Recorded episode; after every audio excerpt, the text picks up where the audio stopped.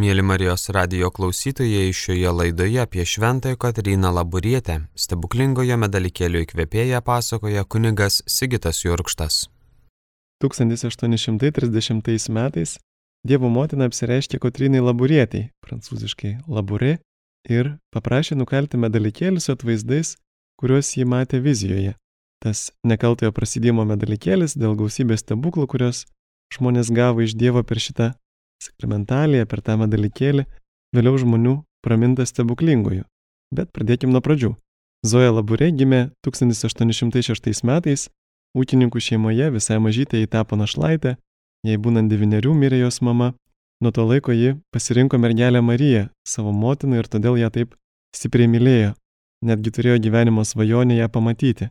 Ji buvo pamaldino vaikystės, kasdien eidavo į šventasias mišes, seserų šaritiečių koplyčiai už mylios nuo savo namų pasninkaudavo du kartus per savaitę, nors jai teko ir perimti daugelį mamos darbų, mirusios mamos. Tikriausiai dėl šios priežasties jie ir nebuvo kada mokytis, ji vienintelė iš didelės šeimos nelankė mokyklos, taigi ir nemokėjo nei skaityti, nei rašyti.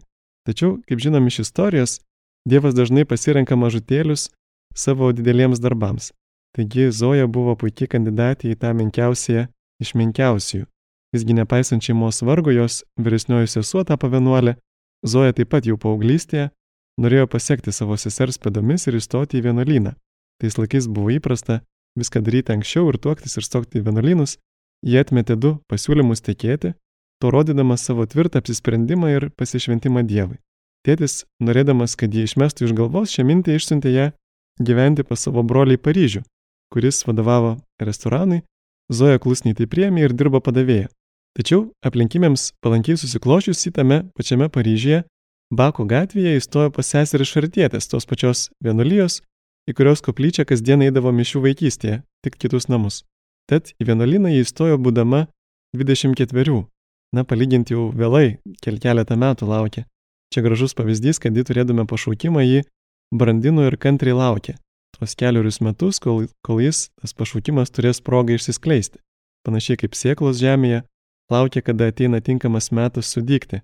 Šiais laikais esame įpratę gauti viską čia ir dabar iš karto, taip pat nusipirkti, taip pat įgyvendinti savo norus, tad mums sunkiau subrandinti savo sumanimus, įvykdyti Dievo planą savo gyvenime.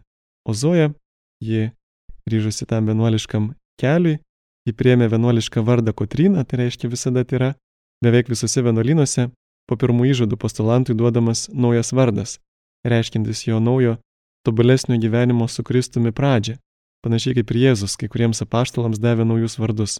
Simoną pavadino Petru, Sauliu Pauliumi ir kitiems. Taip pat vienuolynas, vienuoliškas gyvenimas yra laikomas greit keliu į dangų.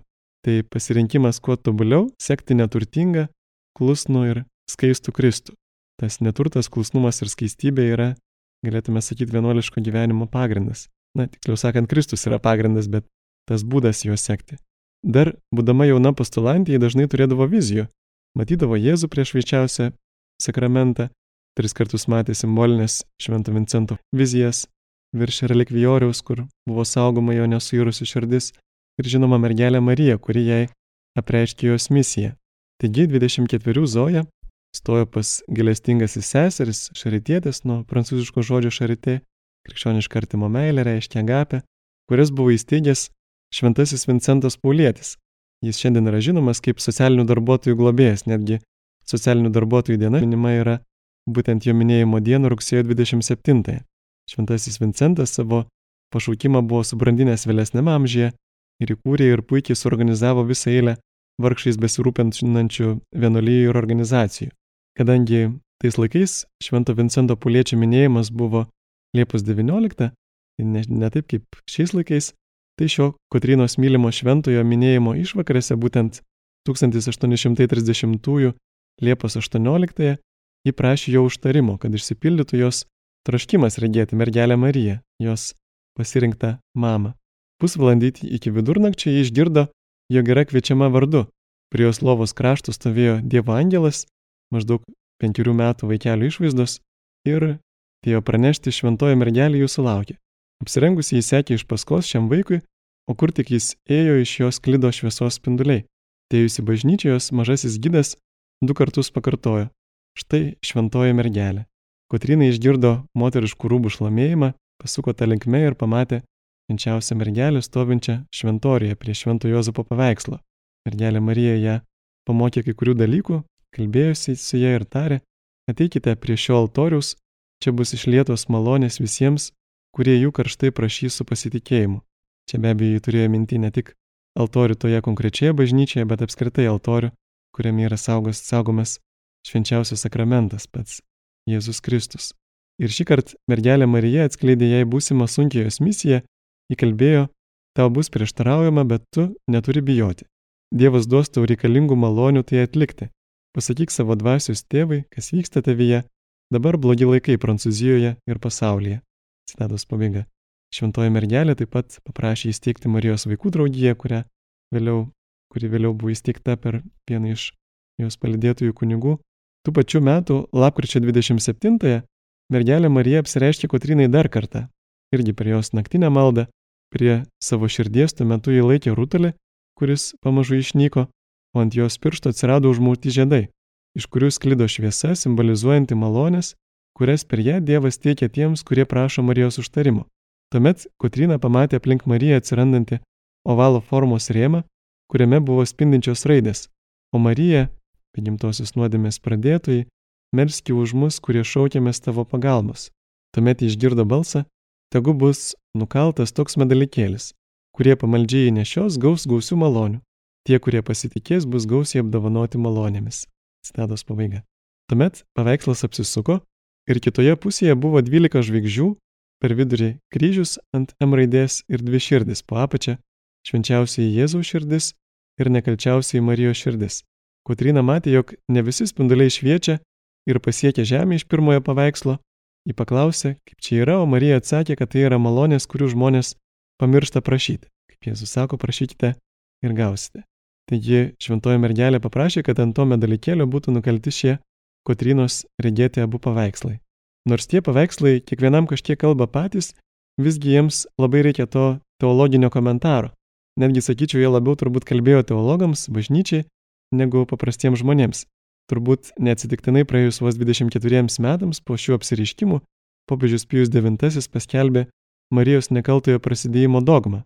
Tiksliau būtų sakyti, nekaltojo pradėjimo. Tačiau dėl Marijos apsiriškimų lurdė, kai ji ėjo dar toliau ir ją regėjusiai Bernadetai Subiru, pasakė, aš esu nekaltasis prasidėjimas.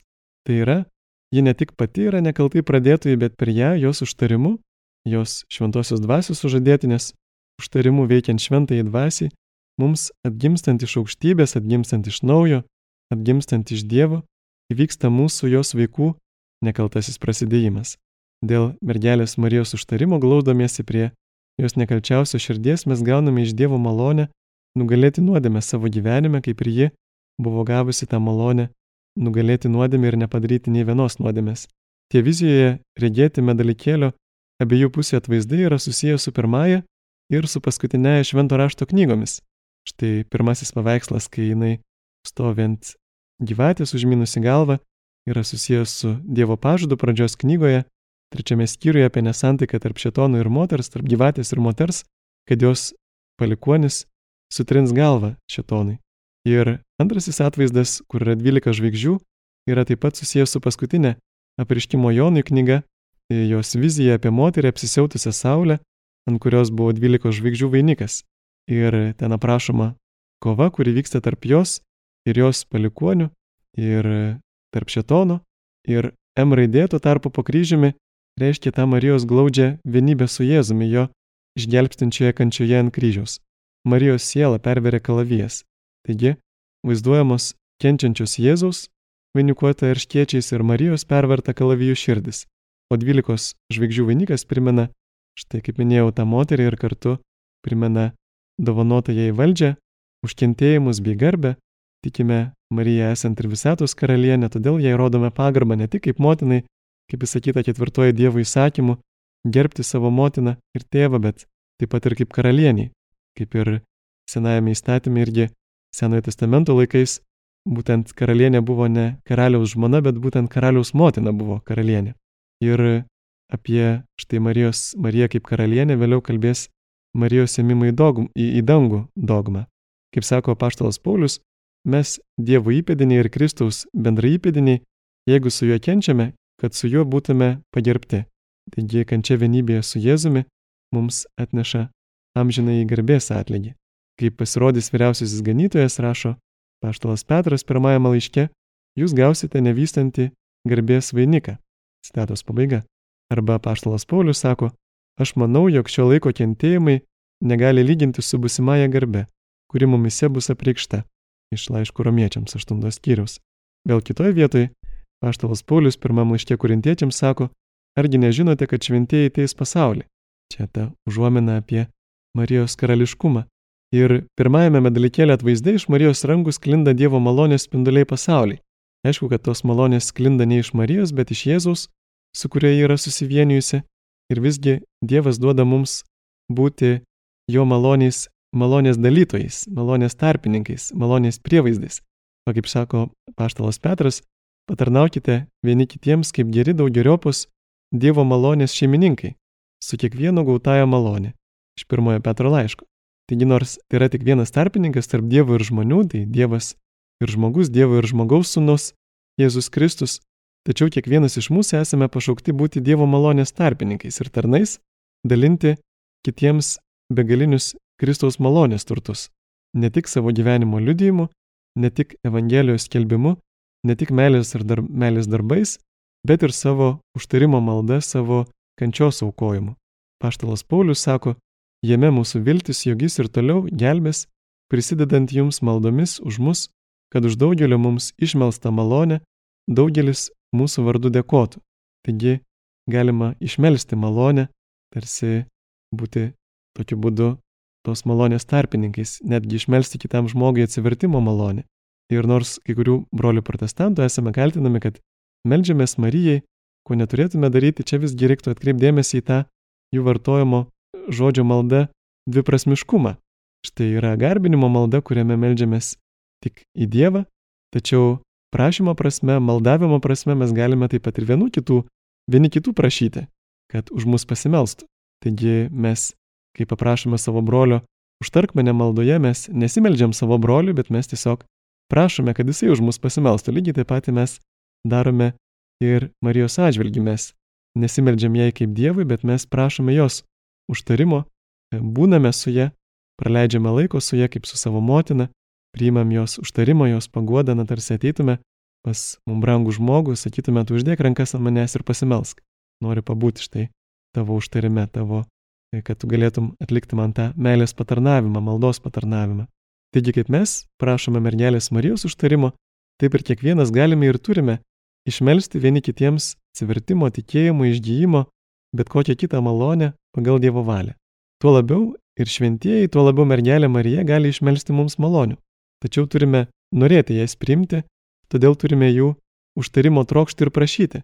Įsivaizduokime, jeigu norėtume, na pavyzdžiui, kam nors prikrauti glėbį vaisių bet tas žmogus nenorėtų jų priimti, tai geriausiu atveju arba mes jų neduotume, arba jie iškristų jam ant žemės, jis jais nepasinaudotų.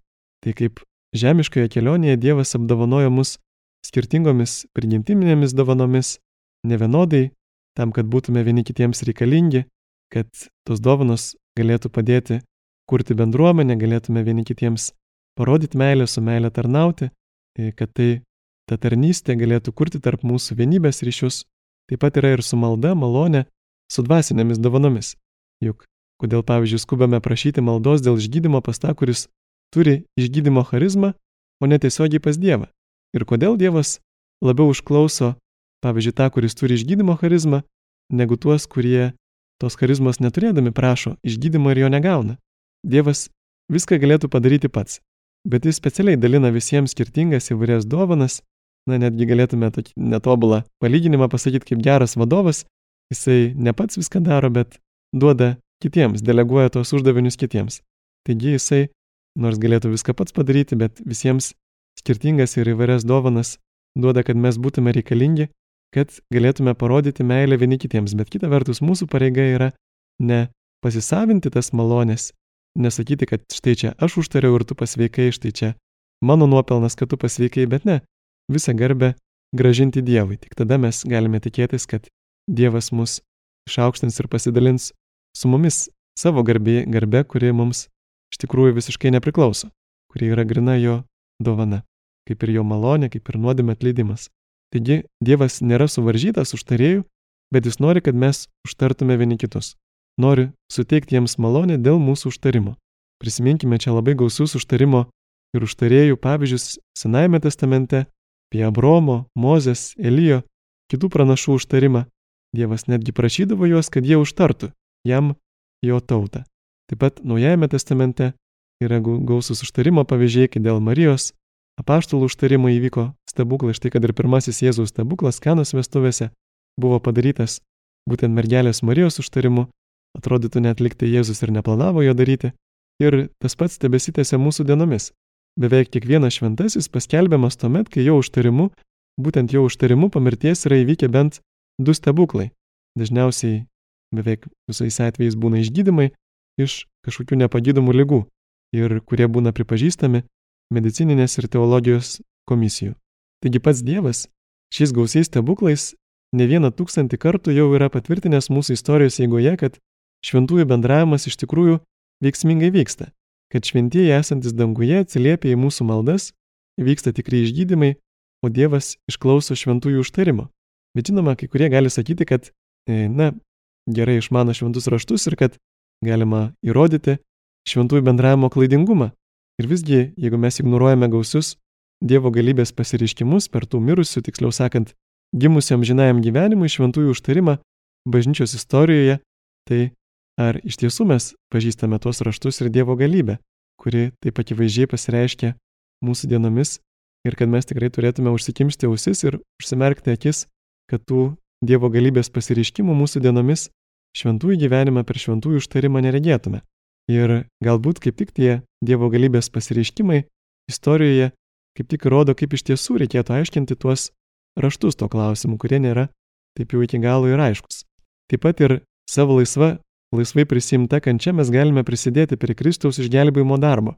Kaip sako šventasis apaštalas Paulius, dabar aš džiaugiuosi savo kentėjimais už jūs ir savo kūnę papildau, ko dar trūksta Kristaus vargams dėl jo kūno, kuris yra bažnyčia. Citatos pabaiga. Taigi, visat pranokstantis Marijos dalyvavimas Jėzaus Kristaus kančioje lėmė ir visą pranokstančią jos garbę, kylančią iš Kristaus garbės, kuri buvo jai dovanota. Tačiau labai paprastai tos dvi širdis, kenčiančios širdis ir rodo mums vienintelį kelią į dangų - Dievo ir artimo meilės kelią, kuris veda per kryžių į prisikelimą. Motina Marija Jėzus mums tikriausiai paliko tam, kad ji mus paguostų tame kryžiaus kelyje, kad padėtų juo nueiti iki galo, kad padėtų jame ištverti, išbūnant ištikimiems Jėzui iki galo. Ir iš esmės Marijos nekaltojo prasidėjimo dogmos paskelbimo tekstas ir yra šio medalikėlio atvaizdų komentaras.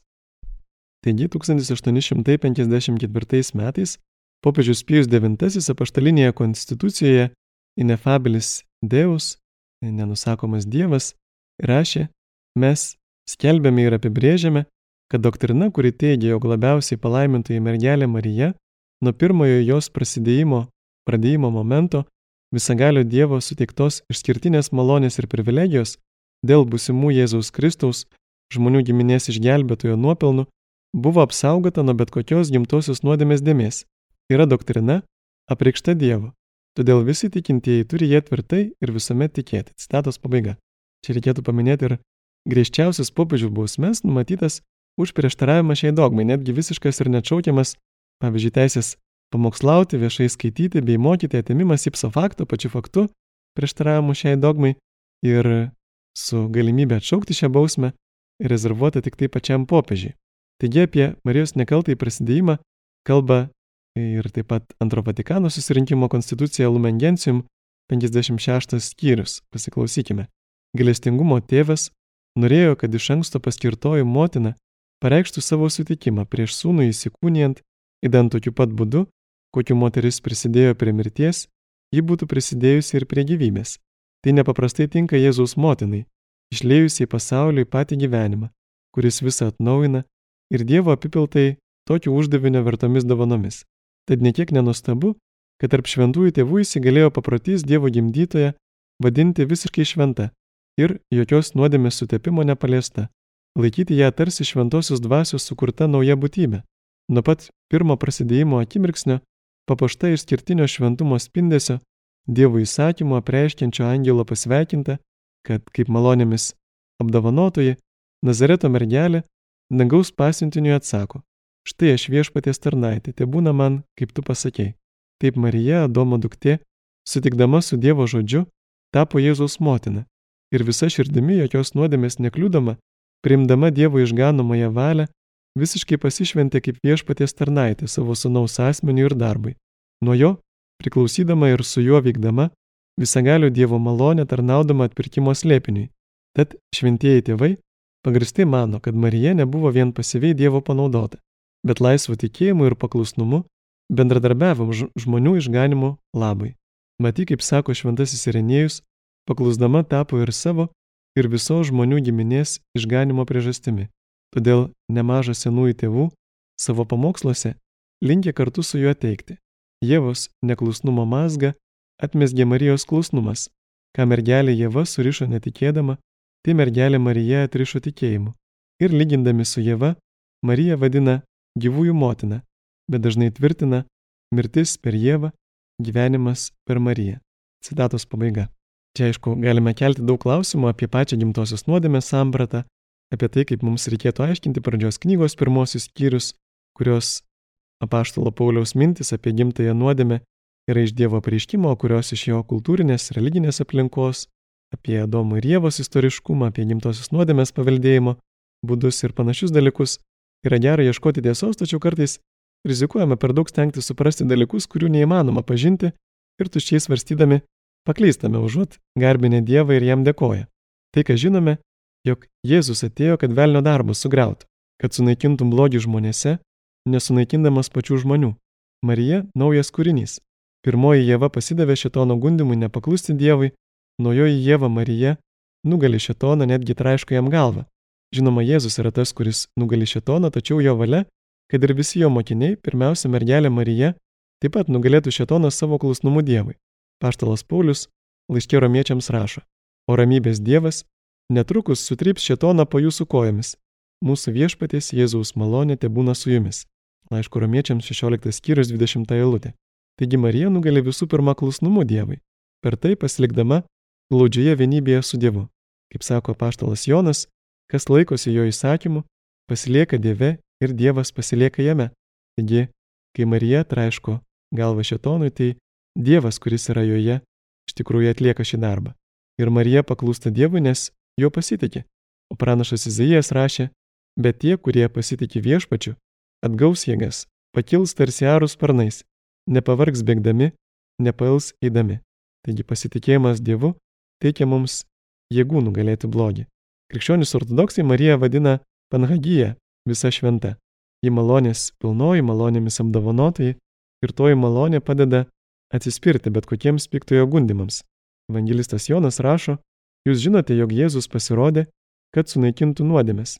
Ir nėra jame nuodėmės. Kas tik gyvena jame, tas nenusideda. O ne vienas nusidėjėlis jo neregėjo ir nepažino. Iš pirmojo Jono laiško. Ir dar, kas daro nuodėmę, tas išvelnio, nes velnės visas nuodėmėse nuo pat pradžios. Todėl ir pasirodė Dievo sūnus, kad velnio darbus sugriautų. Kas yra gimęs iš Dievo, nedaro nuodėmės, nes jame laikosi Dievo sėkla. Jis negali nusidėti, nes yra gimęs iš Dievo. Pirmojo Jono laiško, trečias skyrius. Jonas to laiško pabaigoje dar kartą rezimuoja, mes žinome, jog kiekvienas gimusis iš Dievo nenusideda, bet Dievo pagimdytasis saugo jį ir piktasis jo nepaliečia. Čia be abejo eina kalba apie tą nuodėmę, kurios mes e, nedarome samoningai, laisvai. Štai jeigu mes sakytume, kad tikime Dievą ir laisvai samoningai net ir mažame dalyke, pasirinktume nuodėmę, be abejo, kad jau nebebūtume Dievo malonėje, nebebūtume vienybėje su Dievu. Tačiau galbūt yra ir didesni dalykai, kuriuos mes padarom netyčia iš silpnumo. Tai tie dalykai daug mažiau žaidžia Dievo širdį negu mūsų laisvi, samoningi blogio pasirinkimai, kai mes turim pilną pažinimą ir laisvą valią. Taigi Marija negali nusidėti, nes Dievo ir jos pagimdytasis Jėzus Kristus ją saugo ir piktasis jos nepaliečia. Dar daugiau, Dievas sutrypė šetoną po jos kojomis, kaip sako šventasis Paulius, taip išpildydamas pradžios knygos trečios skyriaus proto Evangelijoje užrašyta tą pranašystę, aš sukelsiu priešiškumą tarp tavęs ir moters, tarp tavo palikonių ir jos palikonių, jis kirs tavo per galvą, o tu kirsi jam į kulną. Citatos pabaiga. Kalbėdamas apie gimtąją nuodėmę, apie žmogaus būseną, Šventasis Augustinas sako, kad po nuopolio žmogus tiesiog negali nenusidėti. Todėl apaštalas Paulius ir sako, laiškė romiečiams, juk jau esame apkaltinę ir žydus, ir pagonis, kad visi yra nuodėmės pavergti, kaip parašyta, nėra teisaus, nėra ne vieno. Čia jis cituoja 14 psalmę, arba kitoje vietoje romiečiam trečias skyrius, nes visi yra nusidėję ir stokoja Dievo garbės. Citatos pabaiga. Todėl Žmogus negali patikti Dievui vien savo jėgomis, be jo malonės. Negali užsidirbti Dievo malonės. Čia galime užbaigti su ištrauka iš apaštalinės konstitucijos Inefabilis Deus.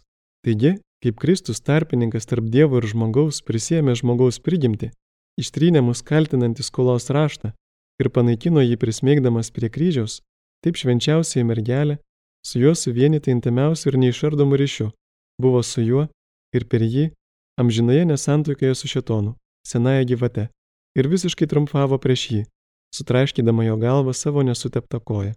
Citatos pabaiga. Po šių apsireiškimų Kotrina Labore savo misiją nukalti medalykėlių patikėjo nuodėmklausiu kunigui Lazariečiui Eladeliui, bet jis nekreipė dėmesio į tai, vidinio balso raginamai vėl kreipėsi į jį sakydama, švenčiausiai mergelė nepatenkinta, nes jūs jos nesiklausote.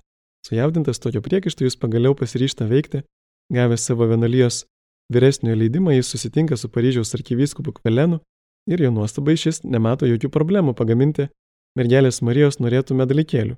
Dargi paprašo vieno pirmųjų savo. 1832-aisiais Paryžių kaip tik ištinka choleros epidemija, nuo kurios mirė 20 tūkstančių žmonių. Virželį pradėti dalinti medalikėlį ir taip pat prasipela išgydymai, atsivertimai, patirta apsauga nuo susirgymo. Kaip čia neprisiminsi dabar vykstančios koronaviruso pandemijos, nuo kurios mirė jau keli milijonai žmonių, galbūt ir mūsų dienomis svarbu prisiminti motinišką mergelės Marijos užtarimą ir tai, kad melžiantis įvyksta stebuklai mūsų gyvenime, ypač mūsų užtariant švenčiausiai mergeliai Marijai. Prisiminkime ir tą, kaip minėta, pirmąjį užtarimą per kanos vestuves, kai Jėzus padarė savo pirmąjį stebuklą. Po tokių įvykių paryžiečiai šį nekaltai pradėtusios medalikėlį Pakrikštyje pavadina stebuklingųjų medalikėlių. Iš čia šis liaudiškas jo pavadinimas. Kadangi įvyko tiek stebuklų, žmonės pradėjo domėtis šio medalikėlio kilme. 1834 pradžioje Paryžiaus arkivyskupo patarėjas išleidžia pirmąją brošiūrą, po kelių mėnesių nusprendžia rašyti ir sesers Kotrinos Laburėno demklausys, jo leidinį 10 tūkstančių tiražų išgraipsta per du mėnesius, vėliau išeina antrasis, trečiasis, kiti leidimai, tačiau visų šio pamaldumo paskleidimo metu Sesuo Kotrina lieka pasislėpusi, niekam nežinoma. 1939-aisiais medalikėlė jau buvo 10 milijonų pagaminta, kai ji mirė 1876-aisiais šių medalikėlių buvo pagaminta jau apie milijardą. 1835-ais Paryžiaus arkivyskupas Kvelenas nusprendžia pradėti kanoninį procesą - apsiriškimų autentiškumui patvirtinti. Pagal galiojančią tvarką vietos vyskupas turi asmeniškai apklausti regėtoją.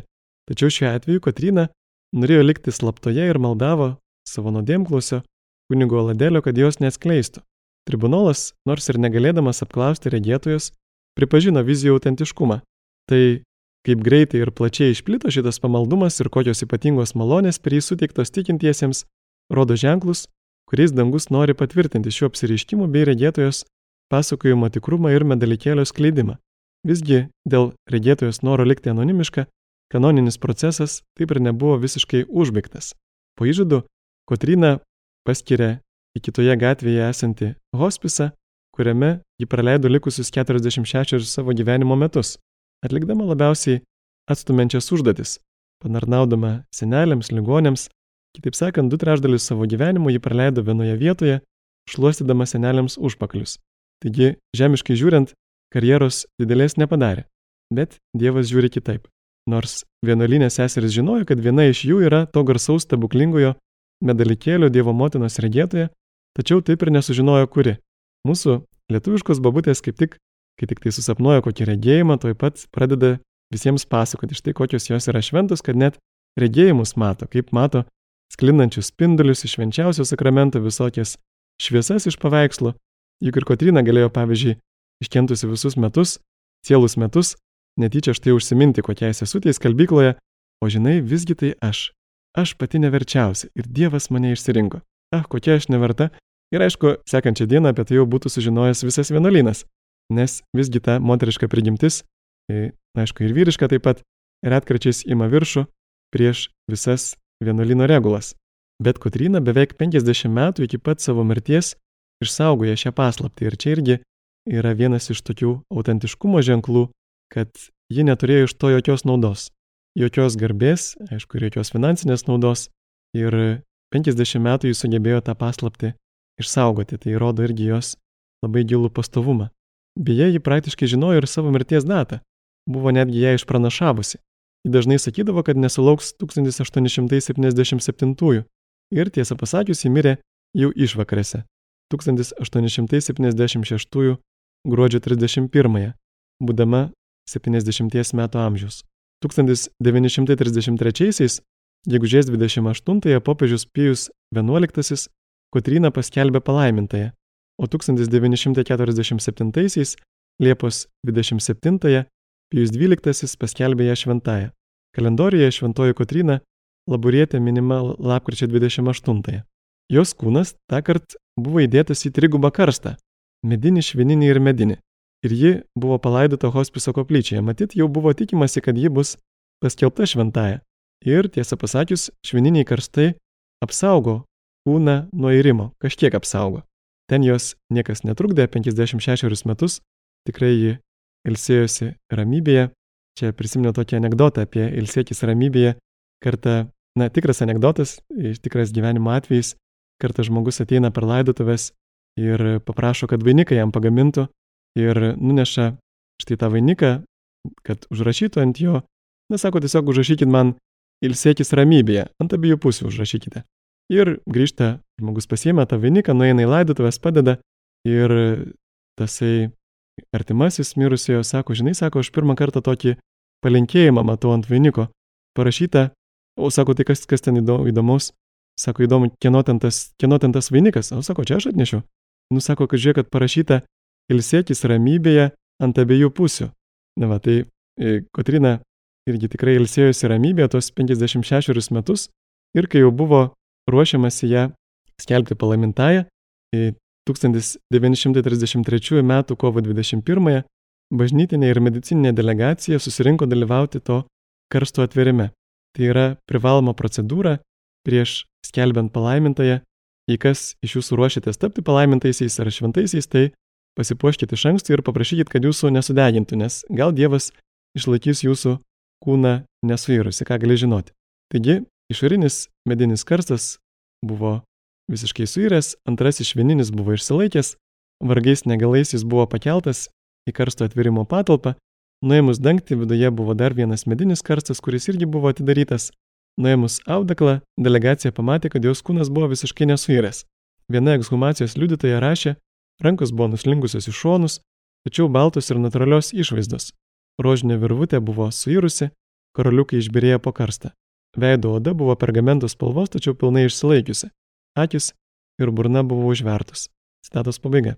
Ten buvo dvi senutės, kurios asmeniškai pažinojo Kotryną ir dabar ją lengvai atpažino. Ekshumacijoje dalyvavęs bendruomenės chirurgas daktaras Robert Didier rašo savo liudyjime. Atvėrę karstą radome pilką pjuvenų masę, ant jos kažkiek pelėsių. Tačiau nebuvo jokio puvimo, tik švelniai rūkštus kvapas. Atsargiai ranka nubraudėme pjuvenas, pamatėme audeklą, į kurią buvo įviniotas kūnas. Audeklas buvo nesuiręs, kiek drėgnas ir jį buvo galima lengvai nuvinioti. Kūnas buvo tobulai išsilaikęs, drabužiai taip pat, Jie buvo išsaugoję savo spalvą ir formą. Rankos ir veidas buvo rausvos spalvos. Kairės rankos du pirštai buvo pajodavę, tačiau, kaip vėliau paaiškėjo, ne dėl audinio nekrozės, tačiau dėl juodo abeto toje vietoje, kur švininėme karste buvo įtrukimas.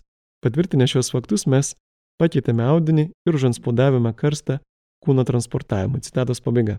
Jos kūnas, o taip pat ir švininės formos, kuriuose buvo nukalti pirmieji medalikėliai, buvo iškilmingai atnešti į vienuolyno motininius namus dalyvaujant daugeliu liudytojų, taip pat ir kardinolui. Vėliau gydytojai atliko skurdimą, išėmė širdį ir dalį kitų organų relikvijams ir nors kūnas buvo gerai išsilaikęs, kad tikrai nesuirtų, gydytojai jį balzamavo. Į kraujotaką suleido formaldehido, glicerino ir karbolio rūgšties. Taigi tiek pačioje pradžioje, įdedant kūną į švininį karstą, apsaugantį nuo gedimo, su dar dviem papildomais medžio karstais tiek po egzumacijos įvykdyto balzamavimo, buvo tiek daug žmogiško įsikišimo, kad jis labai užtemdo Dievo stebuklą, jeigu jis ir buvo įvykęs. Natūraliai žmogaus kūnas pavirsta greučiais na maždaug nuo metų iki keliarių metų laikotarpio, be abejo greičiau negu per 56 metus. Tačiau dirbtinėmis cheminėmis medžiagomis, dirbtinėmis priemonėmis ir tam tikromis laikymo sąlygomis, pavyzdžiui, kur šalta ir labai sausa, šį rimą galima labai sulėtinti. Nors istorijoje yra įvykę nemažai stebuklų, kai šventųjų kūnai nesuirdavo, dėl tokių dirbtinių praktikų siekiant kuo labiau užtikrinti tų stebuklų išsilaikymą žmogiškomis priemonėmis, jie buvo dauguma jų diskredituoti ir sugadinti. Todėl, kai išgirstame negendantis kūnas, neturėtume skubėti ten keliauti, ypač per pandemiją, nes nuvykę galime toje vietoje atrasti baisę mumiją arba balzamuotą kūną, padengtą vašku. Man buvo labai sunku internete rasti objektyvios informacijos apie negendančius kūnus, radau tik nedaug tam, nedaugelį tam pasišventusių tyrinėtojų išleistų knygų. Populiariuose straipsniuose ir interneto svetainėse apie Šventą Kotryną Laborę beveik niekur nerašome, kad jos kūnas po ekshumavimo buvo balzamuotas, bet dažnai klaidingai skelbiama, kad jis jau daugiau kaip 140 metų stebuklingai nesuiręs. Jį galime pamatyti Paryžioje, Rudubak gatvėje, stebuklingoje medalio Dievo motinos koplyčioje. Galime pastebėti, kad ir keletą kitų Marijos apsireiškimo regėtojų kūnai liko tobulai nesuirę, tai buvo žinomiausias iš jų yra Lurda regėtojos Bernadetos Subirų kūnas, tačiau taip pat liko nesuiręs ir Fatimos regėtojos mergaitės šventos Jacintos Marto kūnas. Visgi yra daugybė didelių šventųjų, kurių kūnai visiškai suiro. Taigi, neirstantis kūnai yra tik nedidelė dalis tų stebuklingų ženklų, kuriuos Dievas mums duoda, kad sustiprintų mūsų tikėjimą ir Jėzaus Kristaus prisikėlimu, ir jo žadėto amžinuoju gyvenimu, ir kartu galbūt ir ta žinia, kurią jis norėjo paskelbti per tą šventąją. Šventos Kotrinos atveju turbūt svarbesnė yra teologinė žinia perduota per jos vizijoje regėtame dalykėlį. Kaip mergeliai Marijai nuo pat žmonijos istorijos pradžios Dievas skiria ypatingą vaidmenį kovoje prieš nuodėmį ir blogį. Ji, nekaltai pradėtoji, yra lyg nauja viltis, naujos kūrinijos pradžia, per kurią pas mus atėjo Dievas tapęs žmogumi - Jėzus Kristus, kuris nugalėjo šetoną, nuodėmę mirti ir atnešė mums nuodėmę atleidimą, gali tapti Dievo vaikais šventumą bei amžinai gyvenimą. Mus be galo mylinčio Dievo šeimoje. Pabaigai norėčiau paskaityti keletą maldų iš oficialios stebuklingojo medalikėlio interneto svetainės. Maldos verstos iš šventai Kotrynai gimtosios prancūzų kalbos, prancūzai mergelę Mariją taip pat ir į Dievą kreipiasi ne tu, bet jūs. Šventos Kotrynos mintis apie maldą. Kai einu į koplyčią, rašė šventoji Kotryna, nueinu prie gerojo Dievo ir jam sakau, viešpatie, štai aš, duokite man tai, ką norite. Jeigu jis man ko nors duoda, aš būnu labai patenkinta ir dėkoju. Jeigu jis man nieko neduoda, aš dar labiau dėkoju, nes nieko daugiau nenusipelnau. Paskui aš jam pasakoju visą tai, kas man ateina į galvą, pasakoju savo skausmus ir džiaugsmus ir klausausi. Jeigu jo klausysitės, jis jums ir kalbės. Nes būnant su geruoju Dievu, reikia ir kalbėti, ir klausytis. Jis visuomet kalba, kada pas jį ateiname trokšdami gėrio ir paprasti. Ligonių malda prašant nekaltai pradėtusios užtarimo. Mergelė Marija, gailestingumo motina, Jėzaus tabernakulė, su sūnišku, dukterišku pasitikėjimu kreipiuosi į Jūs. Žinau, kad lydite mane mano išbandyme, kaip lydėjote savo sūnų Jėzų Kristų jo kryžiaus kelyje. Kai man kryžius bus per sunkus, padėkite man įnešti ir neprarasti drąsos. Mergelė Marija, mūsų motina, melskite už mane ir už visus tuos, kurie man brangus. Tegu per jūsų užtarimą Jėzus, jūsų sunus, mus pripildo savo ramybės ir saugo mus viltyje. Amen. Pasišventimo mergeliai Marijai aktas. O Marija, be gimtosios nuodėmės pradėtojai, Dievo motina ir žmonių motina, Jėzaus Kristaus mokinė, jūs palaiminta tarp visų moterų ir palaiminta jūs vadina visos kartos. Pasišventimo Dievui pavyzdį, kurią šventoji Kotrina Laburietė, praradusi savo mamą, pasirinko būti motina. Aš taip pat jūs pasirinku savo motiną kad dar labiau pasišveščiau Dievui mūsų tėvui. Kryžiaus papėdėje jūsų nekalčiausioji širdis buvo pervertas skausmo, tarsi kalavijo, ir ji yra suvienita su Jėzaus, jūsų sunaus širdimi. Kadangi iš Jėzaus švenčiausiosios širdies malonė mums teka per jūsų rankas, primkite mane visą ir taip nuteikite mano sielą ir kūną, jog sekčiau Kristų ir primčiau šventosios dvasios šviesą bei jėgą. Kaip šio pasišventimo ženklą, su pasitikėjimu nešiosiu šį šventą medalikėlį, kad meilės Dievas, Tėvas, Sūnus ir Šventoji Dvasia viešpatautų mano pakrikštitojo širdyje ir visose širdise. Jam garbė per amžių amžius. Amen. Taip pat pasimelskime jau šio laikinę maldą, prašant mergelės Marijos, kad baigtųsi kuo greičiau ši koronaviruso pandemija. O Marija, tu visuomet nušvieti mūsų kelią kaip vilties ir išganimo žvaigždė. Patikime save tau nekaltai pradėtojai, ligonių sveikatą, kuri po kryžiumi dalinaisi Jėzaus kančia, išlikdama tvirta tikėjime. O mylinti motina, tu žinai mūsų poreikius ir esame tikri, kad būsi šalia, kaip ir Galilėjos kanoje. Užtarki savo sūnui, dieviškajam gydytojui mus ir tuos, kurie susirgo, tuos, kurie yra pažydžiami, taip pat ir tuos, kurie mirė nuo šios lygos. Užtarki taip pat ir tuos, kurie turi pareigą saugoti kitų sveikatą ir saugumą, taip pat ir tuos, kurie slaugo ir gydo ligonius, ir tuos, kurie dirba ieškodami vaistų. Padėk mums, o dieviškos meilės motina, kad vykdytume tėvo valią ir darytume tai, ką Jėzus mums lieps. Jis, kuris prisėmė mūsų ligas ir nešė mūsų kančias, kad mus nuvestų per savo kryžių į prisikėlimo garbę. Amen. Šioje laidoje savo mintimis apie Šventąją Kotryną Laburietę, stebuklingojo medalikėlių įkvėpėją, dalinosi kunigas Sigitas Jurkštas. Likite su Marijos radiju.